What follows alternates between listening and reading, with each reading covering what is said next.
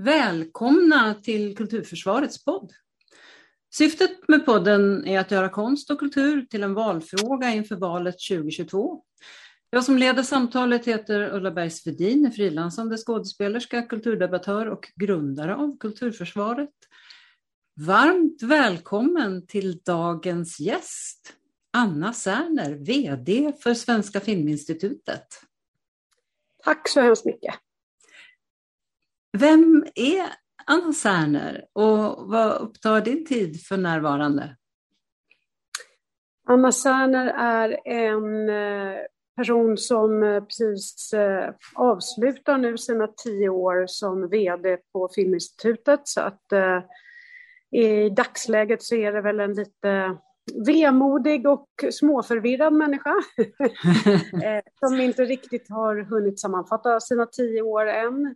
Men eh, i övrigt så är jag en, en vanlig människa. Jag började som, eh, läste filmvetenskap, i filmskola, men lämnade det ganska snabbt och blev jurist och hamnade efter ett tag på Filminstitutet. Så att jag är en akademiker eh, som eh, tycker frågor om eh, sam samhällsfrågor egentligen är väldigt viktiga och intressanta. Men, men när du gick filmskolan, vad, vad var din tanke? Eh, det var väl att det där lät ju kul. Jag gick eh, filmvetenskap eh, precis när Stockholms nya filmskola återöppnades och detta kan väl ha varit då 1984 eller någonting, så det var en fotograf, Roland Sterner, eh, och en klippare som heter Josef Sila och eh, filmvetaren Örjan Roth eh, Lindberg, välkänd på eh, filmvetenskapen, som gick ihop sig för att starta den här utbildningen som hade legat nere då i, jag vet inte hur länge, och de gick helt enkelt in på en av våra föreläsningar och frågade vilka här skulle vilja gå en filmskola. Och då var vi kanske 30 personer som räckte upp handen och sa ja, vi vill gärna gå. Mm. Det var bra, sa de, då får ni göra det. Så det var ju inte alls det här ansökningsförfarandet som andra utsätts för. Sen gick den ut på att man fick lära sig eh, lite om allt. Så vi fick både redigering, foto, regi, produktionsledning, skripta. Så. Eh, och tanken var ju att ge en insikt i vad filmarbete är. Och jag själv tyckte väl, man tycker ju alltid roligt för allt är ju roligt när det är ett liksom, skapande involverat. Men jag tyckte nog att eh, redigering var det som eh, jag tyckte var mest fascinerande, när man klipper fram en berättelse. Så att eh, det sökte jag in till dåvarande DI, Dramatiska institutet, en gång och eh, kom inte in då. Så att, eh, ja, och på den vägen blev det. Då började jag väl ifrågasätta, är det värt det här? Eh, och då kom jag fram till att jag insåg att jag inte hade samma extrema urkraft som vissa filmskapare har där man liksom inte har ett val. Man måste arbeta med ett konstnärligt uttryck och det kände jag att hur roligt jag än tyckte det var så var det inte den enda vägen för mig och då vägde eh, olägenheterna faktiskt eh, tyngre. Att det är en väldigt osäker bransch, det är väldigt informella maktstrukturer, det var killarna som bestämde eh, mm. informellt och jag insåg att här kommer jag inte få något jobb, jag kommer behöva köa för att koka kaffe. Mm. Eh, och det eh, var det inte värt för mig. Mm. Och då valde jag bort det eh, och valde då istället att eh, läsa juridik. Och det har jag aldrig ångrat. Även fast jag jätte, jättegärna hade velat bli en superframgångsrik filmskapare. Mm. Eh, varför anser du att det är viktigt att föra in konst och kultur i debatten inför valet 2022? Eh, ja, men jag anser att det är en av de viktiga frågorna att lyfta därför det är för de flesta partier en självklarhet att man står för yttrandefrihet, konstnärlig frihet, att man vill ha en mångfald inom konst och medievärlden, eh, att det är ett av grundfundamenten för en demokrati. Eh, och eh, det här skriver ju alla partier under på. Eh, men det finns liksom ingen som har ett handlingsprogram som de parar det här med. Och eh, konst och kultur är eh, delar av ett samhälle som faktiskt Eh, är det här osynliga kittet mellan människor eh, i en livsmiljö som vi alla tar del av, men väldigt sällan reflekterar över. Och det tycker jag faktiskt är både kulturvärldens och politikernas eh, fel. men sen har vi under de senaste, ja, det senaste decenniet, liksom i andra länder, sett tydliga tecken på att det finns de som har en handlingsplan. Och det är ju de mer nationalkonservativa som tycker att eh, det här med konst och kultur förstår de både kan sprida saker de inte vill ha, men kan också användas för saker som de vill ha. Eh, och det gör att de då har en väldigt tydlig handlingsplan. Vissa saker ska man dra ner på och andra saker ska man öka på. Och, och då blir debatten mest att eh, det är de enda som har ett eh, kulturpolitiskt program, vilket ju inte är sant. Men det är de enda som kopplar det till ekonomi. Och ekonomi är ju ändå det som styr det politiska samtalet. Så vi måste liksom få upp frågan om eh, varför ska det allmänna säkra Eh, finansieringen till kultur och varför är det så viktigt att säkra oberoendet och friheten och eh, mångfalden inom kulturen. Eh, så att det också sen då får genomslag i en budget. Eh, därför att om man förstår att det här är viktigt så finns det ju större eh, förståelse också för att det ska få kosta pengar. Så att eh, vi måste klara av att klara, prata om det här. Eh, och jag tycker att eh, det har varit eh, dåligt på många fronter på det. Eh, I vart fall under min vuxentid i livet. Det sägs att på Bengt Göranssons tid på 70-talet så var det en annan kulturpolitisk debatt. Eh, och det är möjligt, men det är för länge sedan. Ja, jag tänker de här sommartalen som har varit har varit väldigt fritt från eh, den här debatten. Nu förstod jag att, eh, jag lyssnade inte på det, men jag förstod att Annie Lööf hade tagit upp just eh, demokrati och yttrandefrihet och faran som vi alla ser i, mm. sitt sommartal. Och det kändes ju ändå bra för att då kanske det kom upp på agendan. Fast det tycker jag alla tar upp. Eh, frågan är ju vad man kopplar till det. Ja. Det är väldigt lätt att säga att man tycker att det är en fara och i, eh, i vissa sammanhang, jag hörde bara en liten del av eh, Annis tal och då handlade det ju om det här med att säkra att man ska försvåra att förändra grundlagen. Mm. Och det är en sån här konstitutionell fråga som alla kan förhålla sig till.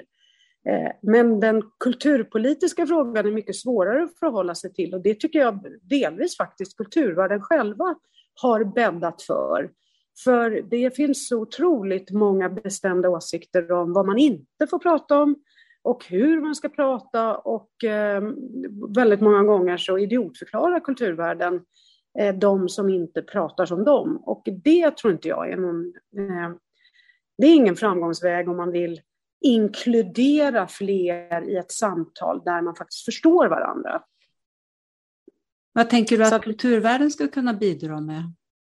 Nej, men att börja våga prata om varför är kultur viktigt och inte då stanna vid att säga kultur får inte vara instrumentell utan kulturen ska vara helt fri och obunden och bara finnas till för sin egen skull. Det är ju naturligtvis helt sant. Men man måste förstå den strukturella nivån som handlar om eh, i sin helhet varför är kultur viktig? Samhällsbyggarpusselbit kontra att enskilda stöd inte ska leda till andra saker än att det som söker ska få eh, full potential att eh, vara i sin egen rätt. Så att jag har full respekt och förståelse för diskussioner om att vi inte vill att det ska finnas kulturpolitiska program som säger att kulturen ska eh, det är kulturen som ska stärka folkhälsan mm. och därför kräver av enskilda kulturprojekt att förklara hur de stärker folkhälsan. Mm. Kontra att man ser till helheten. Vad händer i ett samhälle som har kultur? Finns det studier som visar att eh, kultur inom vård och omsorg och skola skapar eh, en större känsla för meningsfullhet, eh, att personer upplever att de får nya perspektiv, att man till och med får en påskyndad läkningsprocess eller inlärningsprocess. Det är ju eh, när man analyserar effekterna Eh, och jag tycker kulturen måste lära sig våga det, för jag vet att kulturen har den eh, konsekvensen. Mm. Det vet vi ju alla, det är ju därför vi tror så starkt på kulturen. Eh, men det finns en otrolig beröringsskräck i att prata om det här. Och eh, det måste vi alla bidra till att eh, försöka sortera bort. Man måste kunna skilja liksom, mellan äpplen och päron. Mm. Det tror jag också starkt på. Det är ju tio år sedan du tillträdde som vd och då fick du rådet av din företrädare att inte snacka om jämställdhet. Varför fick du det rådet och varför tog du honom inte på orden? Ja, det är inte riktigt sant, för det där var min första chef som gav mig det rådet, mm. eh, vilket ju är 25 år sedan. Mm. Eh, och då var jag 34 år och eh, jämställdhetsfrågan var faktiskt väldigt lite på tapeten. Det här var i slutet på 90-talet. Okay. Eh, så då sa min företrädare att, eh, med en välmening, att håll inte på att snacka jämställdhet, för du kommer uppfattas som en gnällkärring. Han hade helt rätt då han har med stor sannolikhet helt rätt nu. Eh, men när jag fick jobbet på Filminstitutet, då hade jag ju redan jobbat med jämställdhetsfrågor inom ramen för mina tidigare uppdrag. Så jag fattade att det här är en fråga som eh, kommer bli väldigt eh, omdebatterad.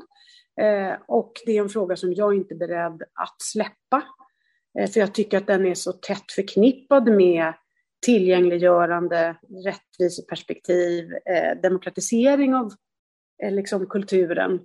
Eh, och då sa jag till styrelsen då att jag eh, har drivit de här frågorna, jag kommer driva de här frågorna, men jag glömmer ju inte bort alla andra frågor. Men ni måste vara medvetna om att eh, jag kommer göra det. Och vill inte ni det, då ska ni inte välja mig. Och då sa den styrelsen, eh, som då hade ett aktivt val att ja, men det är självklart vi ska driva jämställdhetsfrågan. Sen var det också i början på 10-talet. Mm. Eh, så det var ju inte så att de förstod vad de sa. Mm. Eh, för att det var fortfarande väldigt få som hade jobbat med det så aktivt.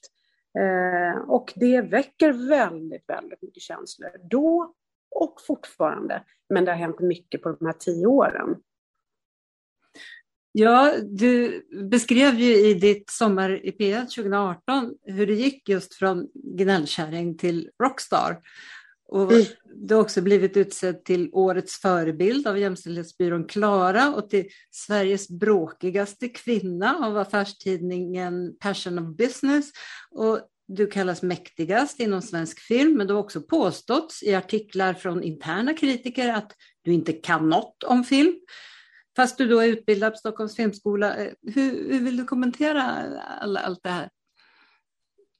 Nej, men, eh, priserna och utmärkelserna. Jag har ju fått internationella utmärkelser till exempel från The Wrap som är Hollywoods stora affärsmagasin, som mm. utsåg mig till årets innovatör, en av Hollywoods tio viktigaste innovatörer. Det är ju otroligt häftigt. Oh. Eh, men det är ju lätt för dem och det var lätt för Passion for Business och det var lätt för Klara, därför de utsätts inte för jämställdhetsarbete. Eh, i, i, I den egna kretsen, det vill säga filmbranschen, så var, var och är inte alla lika glada därför att det påverkar dem de facto. Eh, och då är det klart att eh, man... Eh, alltså det är väl väldigt få som eh, känner att de är hotade i hur de ska få pengar och riktar det till sig själv och tänker att eh, oj, är jag tillräckligt bra? Det är ju lättare att säga, peka på mig och säga oj, hon är inte tillräckligt bra eh, som förstår mig. För det här är ju människor som hade fått pengar eh, inom ramen för precis samma stödsystem tidigare och helt plötsligt såg att pengarna började titta efter nya perspektiv på vad kvalitet kan vara för att också upptäcka kvalitet hos kvinnor eh, och andra. Alltså vi har jobbat med mångfaldsfrågor också mycket. Mm.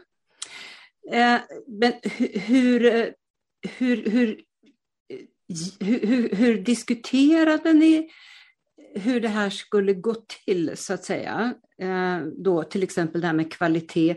Hur, hur byter man perspektiv på kvalitet från hur det då, som du säger, har varit tidigare? Det kan ju inte vara helt enkelt.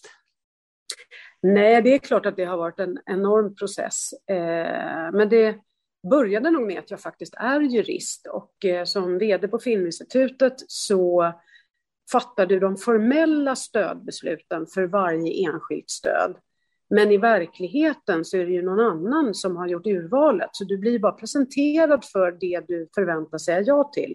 Och hittills vad jag vet så har ju ingen vd sagt nej till ett projekt som en konsulent som vi har då presenterar. De säger ju nej 95 procent av alla ansökningstillfällen och jag får bara del av deras ja. Men eftersom jag då är jurist och liksom är upp, skolad i att eh, man har olika objektiva rekvisit för att förklara sig. Jag blev väldigt förvirrad när jag satt på mina första då, beslutsmöten för konsulenterna som ju med stor eh, säkerhet var väldigt eh, kvalificerade mm. hade inte liksom en argumentation som gjorde att jag förstod varför de hade gjort sina val. Utan de argumenterade väldigt mycket utifrån sin, sitt eget tycke och smak. Jag kände direkt i magen, mm. jag skrattade och grät, jag, jag tycker att den här berättelsen måste berättas. Eh, liksom på den nivån. Och för mig var ju det väldigt svårt att relatera till eftersom jag själv inte hade läst manuset. Mm. Eh, så vad är det som säger att det som du känner i magen är samma som jag känner i magen? Mm. Och det är det ju inte, det vet Nej. vi ju. Vi tycker ju faktiskt olika. Mm. Och då kände jag att det här behöver vi eh, sortera i. Och då skapade jag en think tank med både kreatörer från filmindustrin, eh, alltså både regissörer, eh, producenter och faktiskt då delvis manusförfattare, det var mycket autörer. Eh, och sen personer från eh, näraliggande branscher, men som är sådana som väljer, alltså program ansvarig på tv-kanal till exempel, analytiker i medievärlden. Och så försökte vi under ett års tid att eh, utkristallisera vad behövs för att filmer ska bli bra eh, och, och i allt ifrån vilka stöd ska vi ge till hur ska distribution gå till och hur ska utbildningen vara. Och då eh, kom det fram eh, det här att man faktiskt i andra världar, nämligen förlagsvärlden, använder eh, kvalitetskriterier. Mm. Och då kände jag att nej, men det kunde jag relatera till och då får man ju som fundera på vad ska det vara för några. Och då valde vi angelägenhet, eh, originalitet och hantverksskicklighet. Och de orden säger ju ingenting förrän de ska förklara i relation till ett faktiskt projekt. Mm. Så om, ett, om en konsulent då ska beskriva varför är det här projektet angeläget, så kan det ju vara angeläget på massa nivåer. Därför att det är angeläget att få skratta eller gråta. Det kan ju vara liksom ett drama som, eller en komedi. Men det kan också vara en tematik som är angelägen. Att växa upp, eh, att förlora något, eh, att vara i utanförskap, att eh, utvecklas, eh, ja, så att säga. Alltså det finns ju massa, eh, upptäcka sin sexualitet, upptäcka sin, sitt kön. Eh, så, och sen kan det också vara en angelägen fråga i samtiden, till exempel eh, sameblod som Amanda Chanel gjorde, mm. som ju tog upp frågan om rasbiologi, minoriteten, sameurfolkets eh, historiska kontext samtidigt som hon vävde in det i en vanlig coming of age-historia. Mm. Det var ju en angelägen, det är en angelägen fråga därför att urfolksfrågorna är superrelevanta i hela världen idag. Mm. Och den filmen har också rest i hela världen. Ah. Så så kan man jobba, originalitet, ja en konstnärlig film måste naturligtvis ha en väldigt hög grad av konstnärligt nyskapande medan en familjefilm kräver man mer att vi ska inte ha sett den förut. Vad finns det för nytt i den här då? Eh, och, och sen kan ju en familjefilm vara superoriginell också. Eh, till exempel Susanne Osten har ju gjort eh, sådana typer av filmer.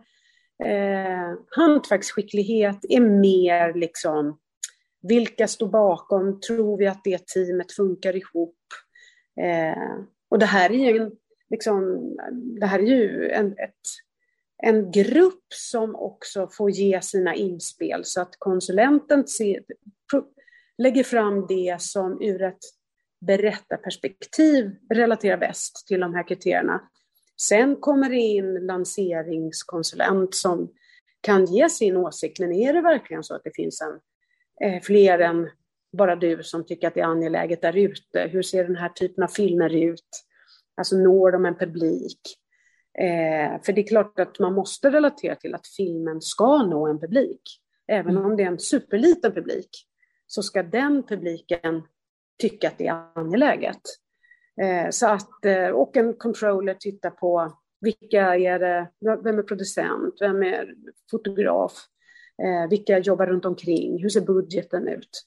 Så det är verkligen ett extremt gediget arbete, men där alla litar då på eh, att man har eh, försökt granska eh, kvaliteten utifrån de här kriterierna. Eh, och eh, självklart finns det ingen någonsin som fattar beslut som är helt objektiva. Men vad vi har försökt är att lyfta det från det är faktiskt väldigt mycket tyck och smak till ett försök till en högre objektiv nivå. Och när man gör det så blir också personen bakom mindre intressant. Historiens kvalitet lever sitt eget liv tills man kommer till hantverksskickligheten. Då är det klart man tittar på, kan verkligen den här regissören eh, ha den erfarenhet att berätta en sån här berättelse? Vad har den gjort tidigare?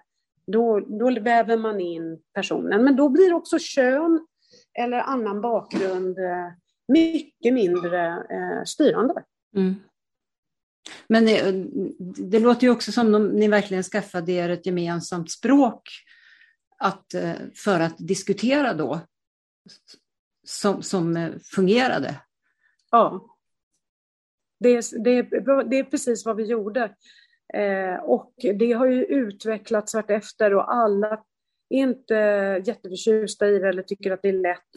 Medan andra har jättelätt för att uttrycka sig så. De lämnar ju skriftliga underlag så det är ju ett, de lägger ner mycket tid på det där.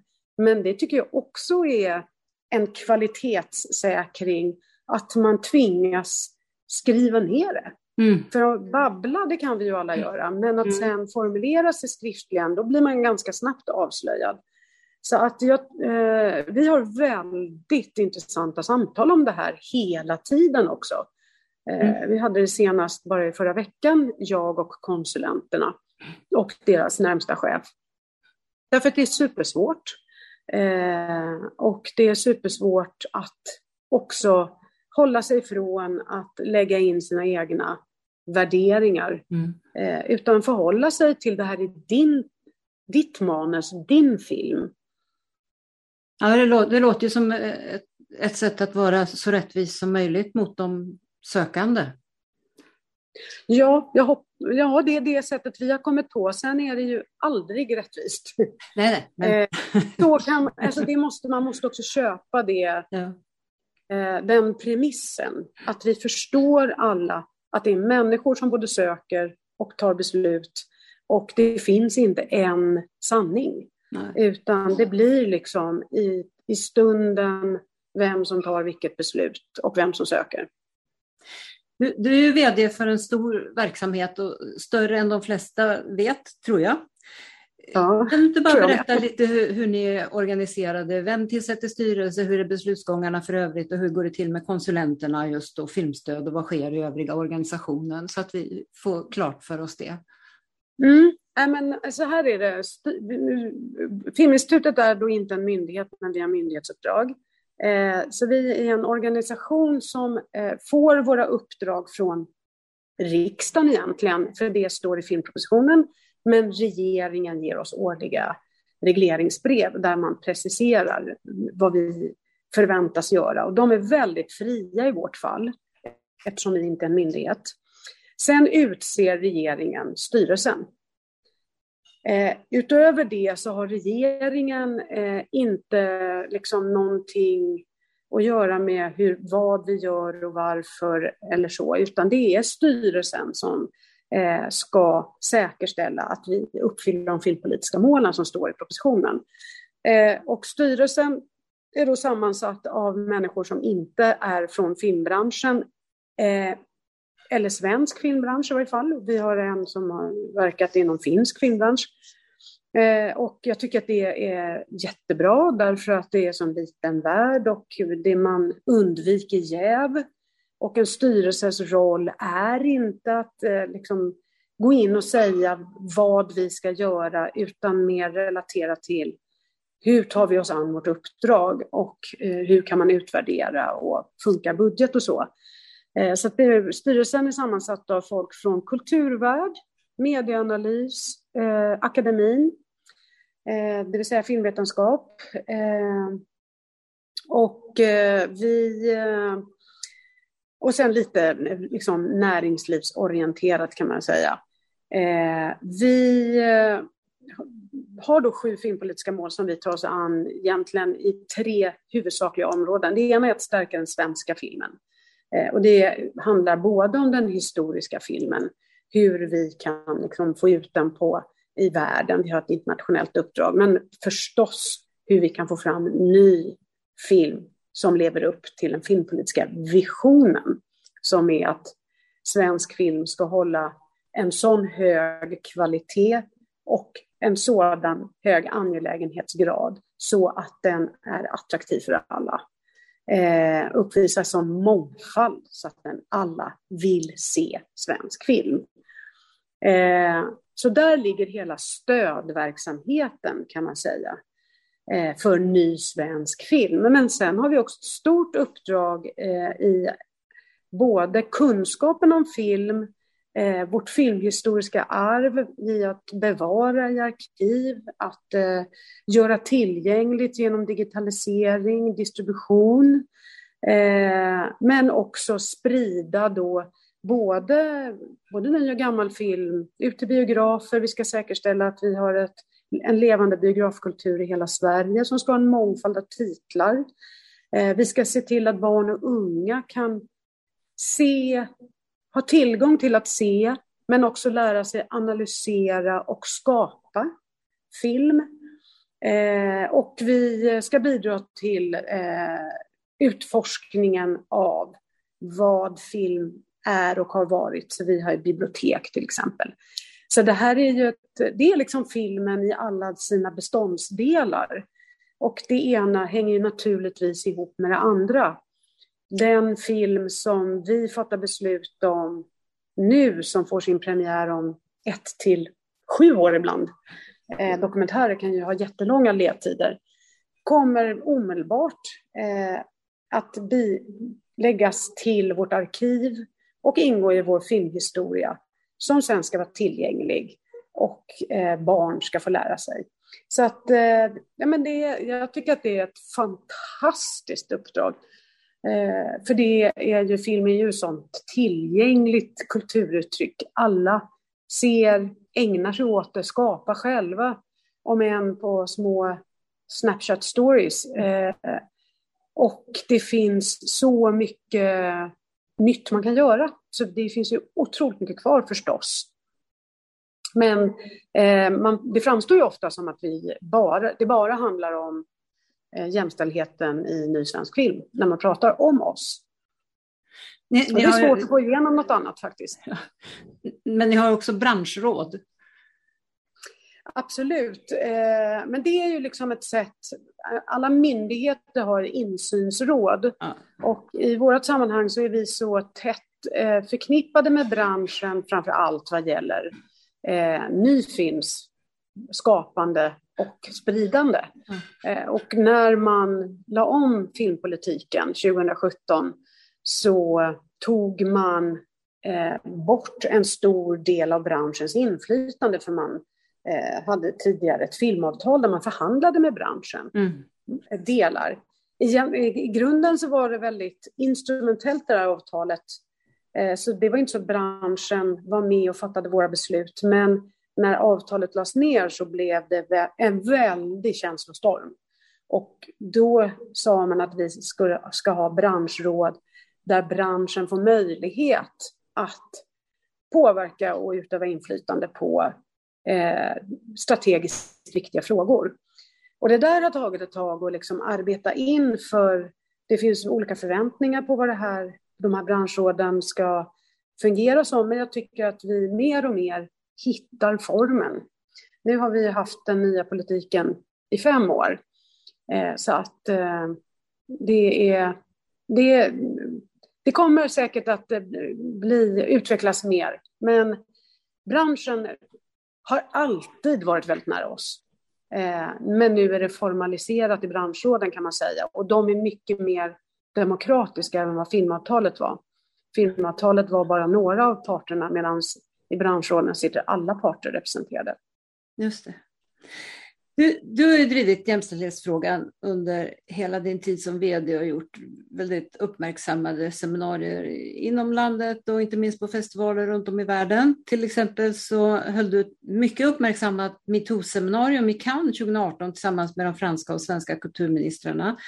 Och du har ju sagt att du ser att det har hänt mycket positivt efter metoo. Kan du berätta om ditt arbete och beskriva vad du ser för effekter? Alltså, man kan säga så här, mitt arbete har hela tiden gått ut på premissen att sluta snacka och bara göra. Mm. Därför att göra är det enda som skapar förändring. Och när man gör så pratar man ju om vad man har gjort. Eh, så har man gjort fel, då kommer det fram, men det skapar ringar på vattnet. Eh, men när jag började eh, då, jag började 2011, jag lanserade då min första handlingsplan med faktiska åtgärder för att skapa en jämställdare filmproduktion, eller en jämställd filmproduktion i Sverige. Eh, och det blev inte mycket Eh, alltså, jag menar, det är klart att vissa blev, tog emot det här med en öppen arm och andra var väl ganska skeptiska. Eh, men vart efter vi gjorde så blev det också tydligt att det här var på riktigt och folk var verkligen tvungna att förändra eh, hur de förhöll sig till oss i att ta för givet att få pengar eh, och liksom så förstå hur vi gör urval, vare sig att vi kvoterar eller inte kvoterar, vilket vi ju inte gjorde och inte gör fortfarande. Men det blev successivt mycket mer hårdare kritik eh, från de som var kritiska. Medan de, det ju hela tiden har varit ett stort antal som har varit väldigt eh, positiva. Eh, men jag upplevde ändå att samtalet hårdnade vart efter samtidigt som vi åstadkom ju en jämställd stödgivning i vart fall eh, på många delar eh, ganska fort. För branschen förstår ju att anpassa sig. De började leta kvinnor, det är produktionsbolagen som söker och det helt plötsligt så sökte de med kvinnliga regissörer. Det är ju det som krävs så att säga. Men eh, tongångarna blev mer och mer eh, ja, allvarliga kan jag säga i sin kritik. Eh, men sen kom metoo och då blev det som att alla som innan det hade sagt, men du vet Anna, jag vill, men det går ju inte, det finns ju inga kvinnor och de kommer ju aldrig att knacka på dörren och mm. jag har försökt och de gör inga bra filmer och jag kan inte, varför ska du bestämma vem jag ska arbeta med? Jag vill ju jobba med vem jag vill.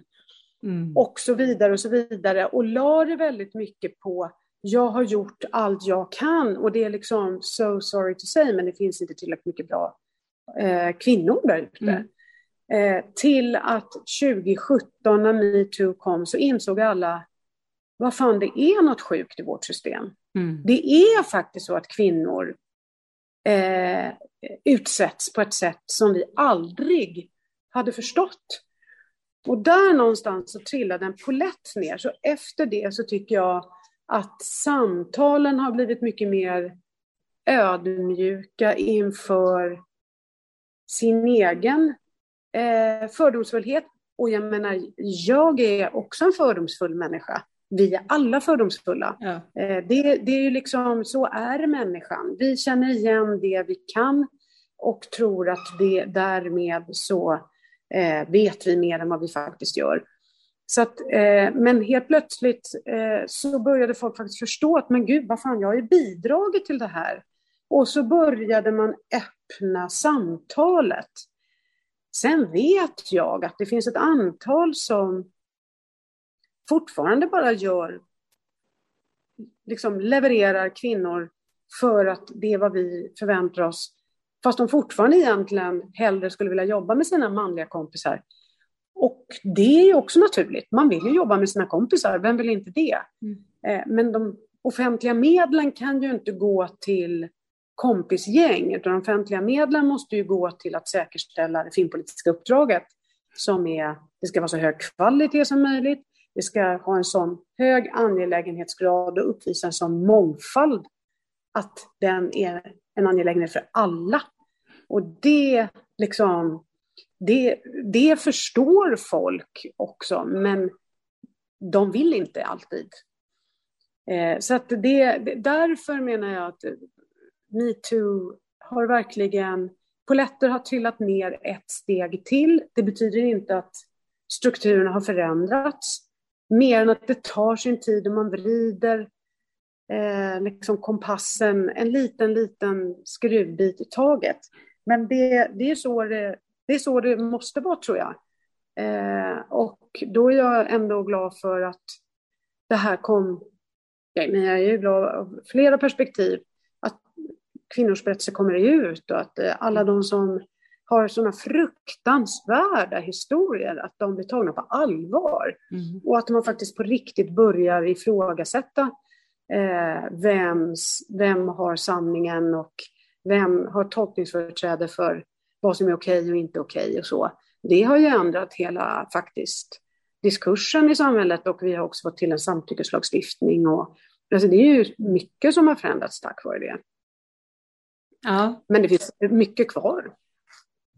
Verkligen. Och, eh, ni kom ju med en rapport, Vilka kvinnor, eh, som ju bygger på 19 intervjuer som ni genomförde under hösten 2019 med skådespelare och regissörer, kvinnor mellan 27 och 66 år gamla som är aktiva, väl etablerade i film och tv-branschen och 11 av dem också med erfarenhet av att rasifieras, antingen för hudfärg, nationella ursprung eller efternamn, trots att samtliga är svenska.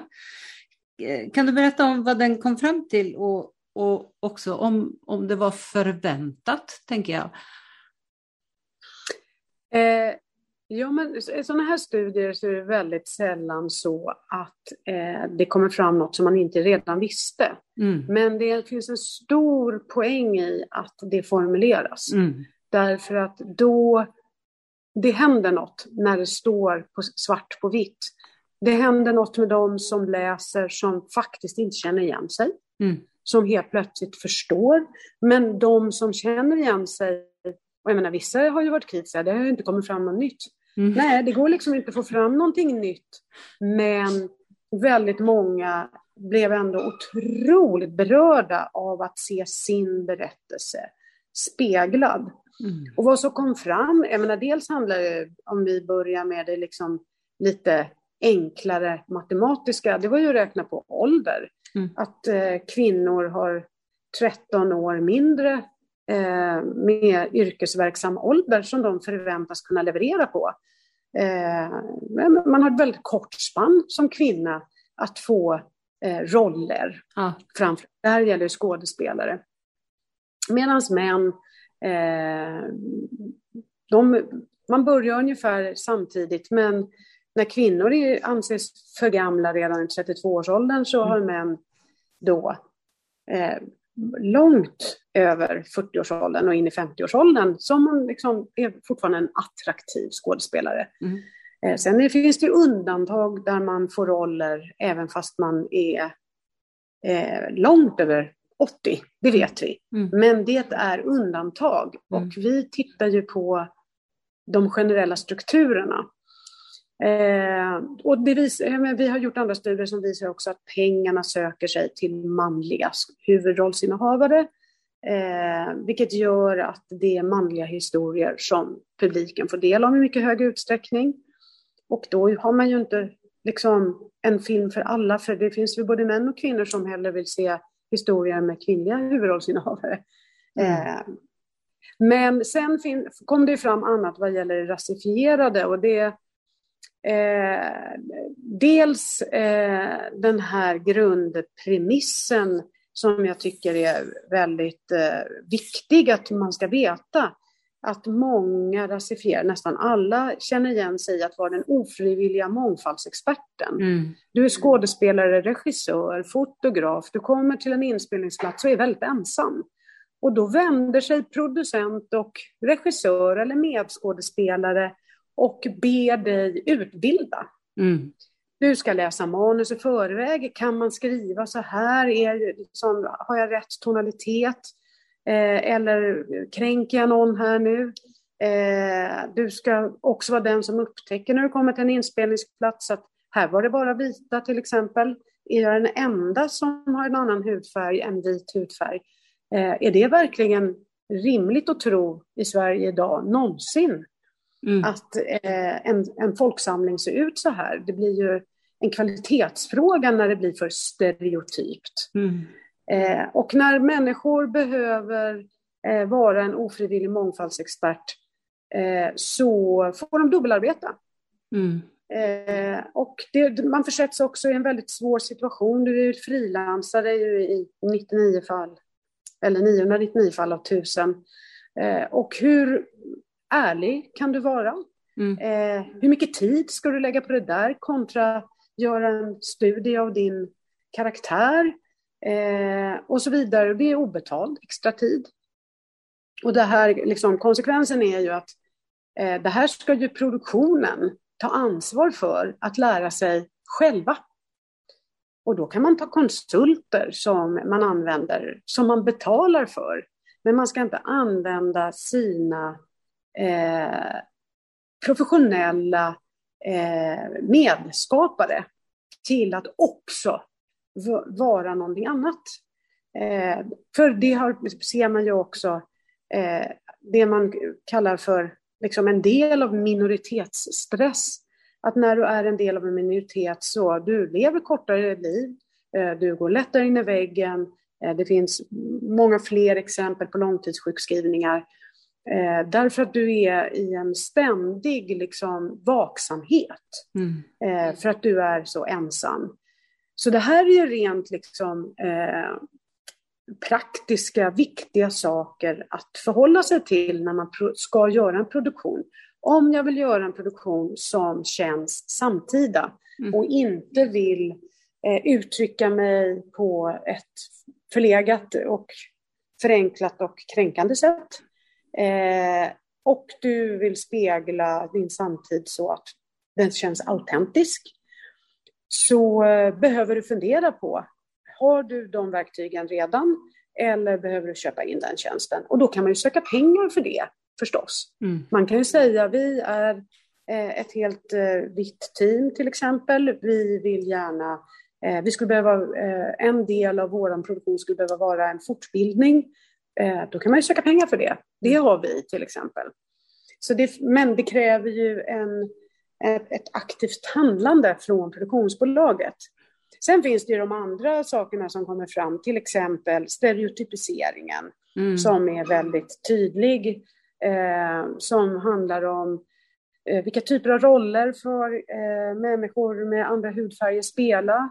Eh, till och med att det finns en Fatima-roll som är liksom, oj, vi måste visst ha någon med en annan hudfärg. Då får någons tjej spela den och eh, hon ska vara, eh, hon får inte spela någon större roll, men hon ska ju vara lite så här härlig tjej bara.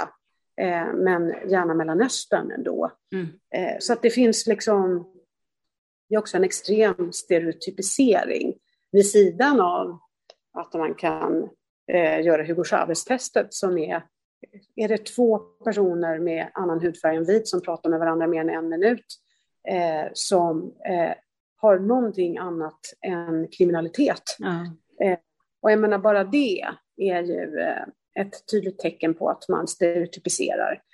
Och den här typen av kunskap, tänker jag, är, det är väldigt provokativt för vissa. Eh, men för väldigt många så är det väldigt nyttigt att bli påmind om, ja visst ja, vi måste tänka på det där och då ska vi inte eh, välja in en Fatima-roll nu, utan nu ska vi tänka från början att försöka vara lite mer, se att det finns skådespelare som är jättebra skådespelare och kan spela vilken roll som helst fast de inte är vita. Och det är faktiskt så vårt samhälle också ser ut, så då blir filmen, uppfattas den kanske bättre. Ja, det är det som är det märkliga, att om vi ska skildra samhället så är, är det ju ett, ett väldigt märkligt sätt att, att ehm, rollsätta, tycker jag, att, att alltid just göra den där stereotypiseringen. Eh, för, för så, så ser det inte ut när vi möter varandra i samhället. Så jag, jag tycker det är jättekonstigt. Ja, nej, men det tycker ju alla rent objektivt, men sen så sitter ändå vi med en produktion i Sverige som fortfarande är långt efter den anglosaxiska, ja. franska. Eh, menar, stora delar av Europa har kommit mycket längre än svensk eh, dramaserie och tv-produktion. Ja. Även om det börjar bli bättre eh, så är det fortfarande väldigt, eh, det ser väldigt 50-tal ut på duken. Eh, och då eh, bör man väl Eh, vill man det så ska man ju göra det förstås, men man eh, kanske förlorar ganska mycket publik som känner att det här, vad är det för dammig produktion? Om det nämligen ska spegla Sverige 2020. Men jag tänker på, för, rätta mig om jag har fel, men visst är det väl så i USA att det finns avtal om eh, o, eh, alltså, o, olika folkgrupper, att, att det ska finnas ett visst antal eh, av, eh, i olika tv-serier och filmer och så? Nej, det tror jag inte. Däremot så, inte vad jag känner till i varje fall, men det finns ju, jag menar, allt från Netflix till Disney Plus eh, och stora delar av Hollywoodindustrin eh, jobbar ju utifrån att de har ett väldigt utarbetat handlingsprogram just. Ah. Och där de bara ställer kraven, Netflix och eh, HBO och så, det, liksom, de vet vad de, vill, vad de kräver och då, det är bara att anpassa sig efter det. Eh, och det eh, i Sverige, då blir det ju då tycker man att man, man stryper den konstnärliga friheten. Men eh, alltså, stora delar av världen tycker bara att det är en kvalitetsfråga. Och vill du ha dina, vill du göra din produktion så måste den eh, var, inkludera olika typer av icke-stereotypa parametrar. Jag menar, vår, den svenska publiken ser ju väldigt mycket filmer och serier från USA och andra länder där vi alltid ser en sån blandning i polisserier till exempel som är väldigt populära att se. Jag kan inte förstå varför vi plötsligt inte skulle kunna se det i våra egna svenska produktioner. Varför skulle vi, varför skulle vi backa då? Är det, är det verkligen är det, är det rätt avläst eller är det bara något som, vi, som man tror? Men det finns så, naturligtvis många parametrar i det här eh, som handlar också om eh, att det är svårt att förändra ett beteende. Man vet, man vet hur man har gjort. Man kan ju också, men det måste man ju ha respekt för, att många har en, en gedigen kompetens på att förstå vad det är som når en publik. Eh, men det är ju också så att svensk film till exempel haft en enorm utmaning att nå en stor publik. Eh, och då kan jag tycka att det är väldigt anmärkningsvärt att man fortsätter att vara väldigt stereotyp, att det, där är det också de typerna av filmer är det fortfarande extremt få kvinnor som får göra. Så de som har stora pengar fortsätter på ett spår som bevisligen inte funkar, för svensk film har lägre eh, nationell andel än eh, några andra nordiska länder till exempel. Mm. Eh, och då kan man ju fråga sig, är det för att publiken är dum i huvudet eller är det för att man, det funkar inte längre den här formulan? Mm. men jag tror att det är väldigt, eh, det sitter uppenbarligen väldigt långt inne. För jag tänker också, USA har ju också börjat göra filmer med, med äldre kvinnor i stora roller. Och det ser vi ju inte mm. heller så mycket av här så att vi får nog, om man säger så. Nej, men alltså, det måste man också förstå att Sverige är ett extremt land. Vi är väldigt eh, åldersfixerade, utseendefixerade ja. eh, och eh, superindividualister ur det perspektivet. Alltså, vi är mycket mindre konforma eh, än de individuella amerikanerna ur det mm. perspektivet. Så att det går inte riktigt att jämföra länder på det sättet. Men det händer ju saker i Sverige också. Men jag tror att man skulle kunna göra väldigt mycket mer. Och det är därför de offentliga medlen, menar jag, måste anstränga sig för att hitta historier som eh, speglar alla delar av ett samhälle av vad det är att vara människa mm. och perspektiv.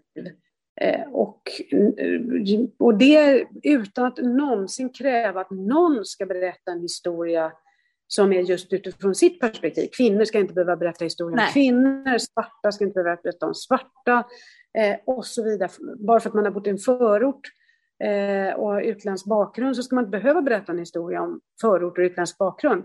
Men vi vet eh, när man gör studier så vet vi att, och det är ju fullständigt självklart tycker jag, man berättar berättelser som man plockar erfarenheter från sig själv. Ja. Eh, och det betyder att har du en mångfald bakom kameran så kommer av självklarhet vi uppnå en mycket större mångfald framför kameran. Men det kan vara en man som berättar om en kvinna och en kvinna som berättar om en man och så vidare.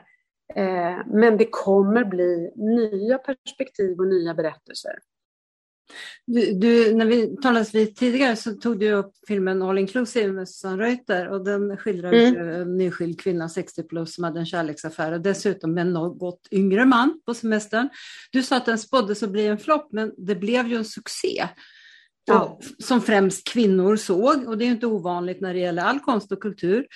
Och då tänker jag så här, är det så att de som tar besluten om vilka filmer som får stöd inte riktigt har full kännedom om den potentiella publiken eller är det så att kvinnor, särskilt äldre då, oavsett etnicitet, inte har tillräcklig status som publik också? Jag skulle vilja säga att det är både och. Eh, det finns de som eh, liksom har makten att säga vad blir en flipp och vad blir en flopp. Mm. Eh, de har som sagt också väldigt mycket kompetens, men de har kanske inte en medvetenhet om att de styrs av sina egna eh, intressen. Att det blir just tycke och smak mm. snarare än ett försök till eh, att höja sig till vad kan vara en angelägenhet för andra här. Mm. Och då kanske man måste faktiskt inrätta referensgrupper som är sammansatta på nya sätt. Eh, att kvinnor, framförallt äldre, inte anses kommersiellt lika attraktiva, det vet vi och det var det här ett väldigt tydligt exempel på. Och det var väldigt intressant för att det eh, samtidigt som All Inclusive hade premiär så var det en, en dokumentär som handlade om en manlig idrottare som var liksom Alltså mannen död sedan länge och idrotten inte en stor idrott, men det var en väldigt känd personlighet, manlig personlighet. Mm. Den spåddes fantastiska tittarsiffror. Och medan den här då, kvinna 60 plus, liksom, nej, man hittade massa med argument varför den inte skulle hitta en publik. Och då blir det ju ofta att man ser det som var som är en films svaghet och alla filmer har svagheter. Inte vet jag, manuset kanske inte höll i alla delar och så. Då var man liksom väldigt noga med att hitta svagheterna medan med den här manliga idrottspersonen så hittade man tvärtom alla fördelar. Och det är ju alltid så. Män väljs på potential, kvinnor väljs på erfarenhet. Eh, så att då, liksom, då hade man, och erfarenheten är ofta liksom, jag har fem kriterier för varför, vad jag väljer. Mm. Och kvinnor måste leva upp till alla fem. Medan män behöver bara leva upp till två, för de är så jävla starka på de där två. Eh, och just de, de här sammanhangen, då var det väldigt tydligt, för det är ju i slutändan, det är ju distributörer som väljer, producenter väljer, Sen väljer distributörer vilka filmer de ska liksom sprida, men sen så ska ju också biograferna boka upp dem. Och då visas de på biografdagar och det var på en sån biografdag då när de här två filmerna visades samtidigt och den ena köptes in jättemycket och den andra då all inclusive ganska lite.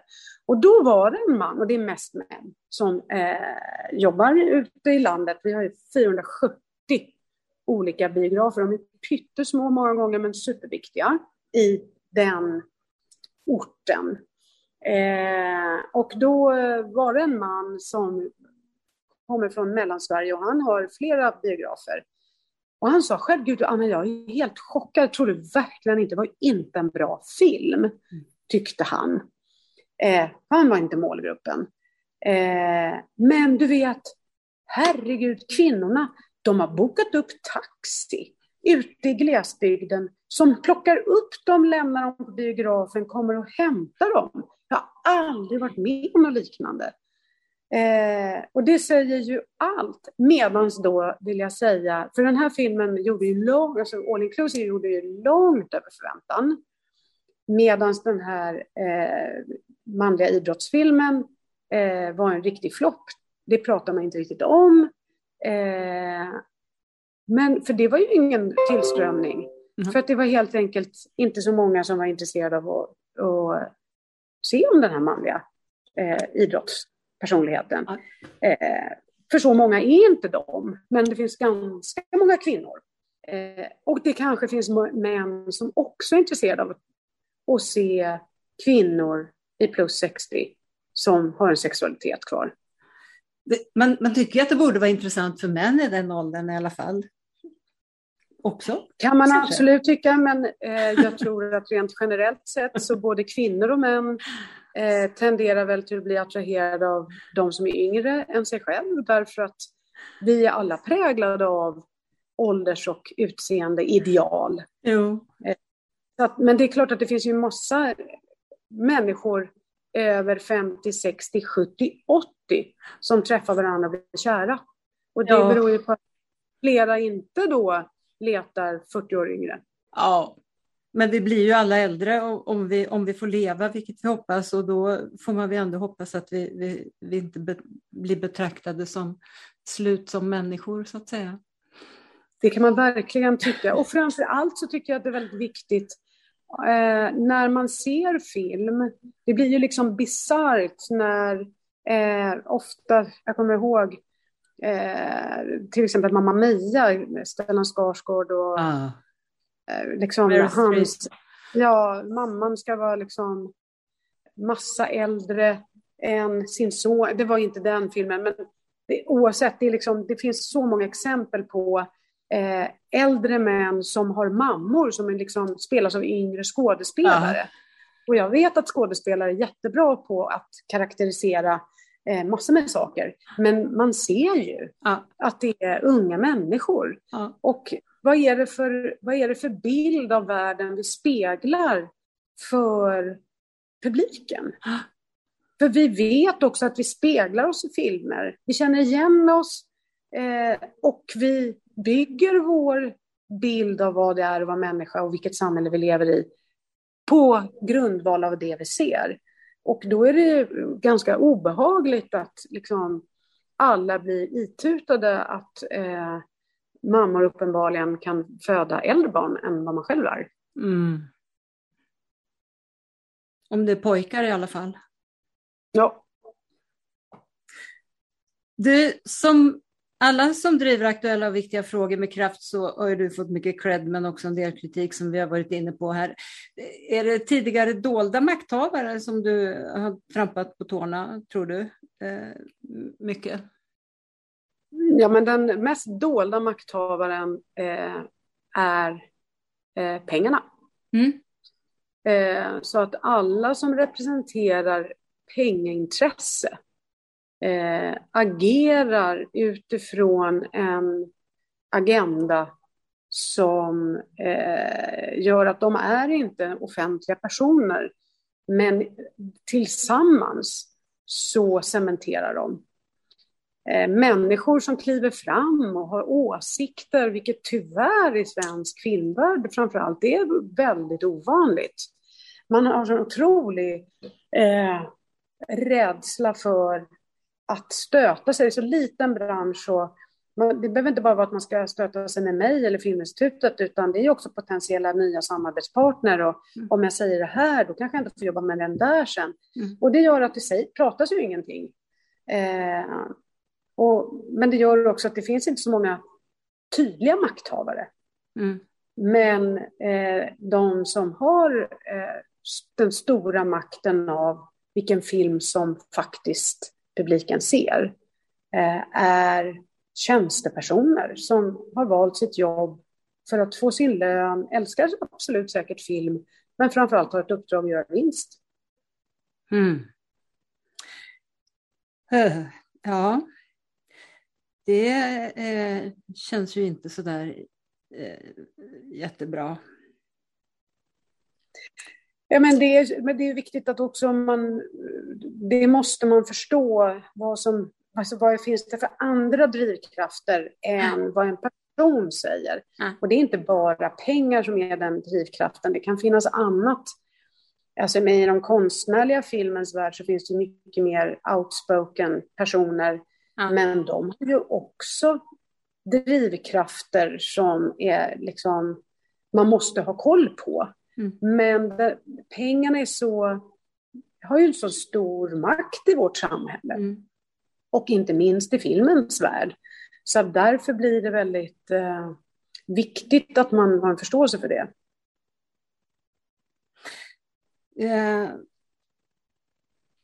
och det, det, det för mig också till en fråga som jag tycker är viktig. För du var inne på det förut. Du menar ju att alla partier utom SD har kulturpolitiska program som är välformulerade och stödjande för konsten och kulturen och nästan identiska. Men medan då SD är tydliga med hur de vill styra och omprioritera. Eh, men du ser inte att övriga partier driver kulturpolitiken som du var inne på förut och, och, lever upp till sina vackra mål. Men kan du säga någonting om det här? För jag menar, det, det där hänger ju ihop med makten och pengarna och hur man ska styra och så vidare. För att det, det där är ju en central fråga, tänker jag, om det skulle bli ett eventuellt maktskifte.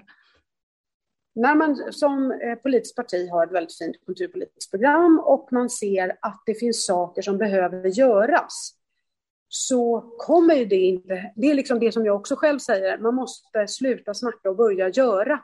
Och göra är ju att eh, också låta det följa med pengar. Eh, därför att eh, allt i samhället bygger på att det kostar och kulturen har en begränsad potential till intäkter. Tittar vi på sjukvården så har den ännu mindre potential till intäkter. Då är det mer att ju mer du satsar, desto mindre kostnad får du framåt. Eh, Medan kultur då eh, faktiskt i vissa sammanhang också ger ju intäkter i större eller mindre grad. Men det behövs ju pengar. Och jag tycker att vi har, vi har haft en väldigt stillastående kulturpolitik där man visar att Eh, det finns olika saker man skulle behöva göra för att låta det finnas mer pengar. Till exempel finns det ju förslag på att man skulle kunna göra eh, skatteavdrag eh, som företag så att man inte behöver betala skatt på pengar man satsar in i till exempel kultur. Och det skulle ju göra att man skulle kunna få loss fler intäktskällor, det skulle göra att man skulle, kulturen skulle kunna ha fler ställen att gå till, eh, det skulle bli en större samling av kulturpengar. Det här tycker alla är jättebra, men det finns inget parti som bryr sig tillräckligt mycket om det för att göra det till verklighet. Då är det hela tiden så att de prioriterar andra frågor som eh, kan vara allt ifrån fler övergångsställen till, eh, hörde på radio igår, Eh, att man ska starta ett nationellt eh, dataregister för alla testamenten. Eh, ja, för det är viktigt när man dör att ens familj inte ska hamna i bråk. Det är på en sån otroligt individuell nivå. Eh, men man måste ju också som politiker ta sig an kulturens utmaningar och göra saker som skiljer sig från det man har gjort. För det hot vi ser idag eh, såg vi inte för tio år sedan. Mm. Då kan man inte fortsätta bara prata om det och tro att hotet försvinner, utan då måste man göra olika saker. Och jag tycker kulturvärlden, där är ju kulturvärlden väldigt konstruktiv och kommer med massor med förslag. Eh, så att då krävs det att ett parti också säger, men vi låter vårt kulturpolitiska program åtföljas av ett handlingsprogram. Det här exakt vill vi prioritera, det här vill vi lägga mer pengar på och möjligen det här vill vi lägga mindre pengar på. Eh, och det behöver man göra aktivt och där tror jag, där vet jag att i alla politiska kongresser, för det har jag ju hört från alla partier utom Sverigedemokraterna, eh, så är det liksom kulturpolitiken, det pratar man om sist när alla är helt utmattade mm. eh, av alla omröstningar. Så sista dagen av tre dagar och hälften har åkt hem för att de bor ju ofta långt bort. Eh, och så har man återigen eh, inte tagit kulturen på allvar. Lägg kulturfrågorna först så skulle det bli, ja, men man måste ju också ändra. Mm. Alla partier kämpar ju med opinionssiffrorna, pröva, pröva något nytt. Ja, det, det, det låter väldigt bra. Så, jag har ju en avslutande fråga, den är nästan överflödig här. Det är på vilket sätt och vilka anser du att konst och kulturpolitiken bör debatteras inför valet 2022 så att det som står i alla kulturplaner blir tydligt att konst och kultur är viktigt för såväl samhälle som medborgare. Du har nästan nyss svarat på det, har du något du vill tillägga? Ja. Nej. Okej. Okay. Stort tack Anna för att du ville medverka och tack för att du krigat. Och lycka till i fortsättningen. Tack snälla, tack för att du bjöd in mig. Och tack för att ni lyssnade. Den som vill veta mer om Kulturförsvaret, om kommande poddar, kan gå in på kulturforsvaret.se. Poddarna hittar ni på sidan och där poddar finns. Och om ni vill gå med i vår Facebookgrupp så är det bara att gå in och ansöka om medlemskap. Gruppen är öppen för alla som är intresserade av konst och kultur och tycker att det är viktigt att konst och kultur och fri press och media diskuteras på samma villkor som andra politikområden inför valet. Tack och på återhörande.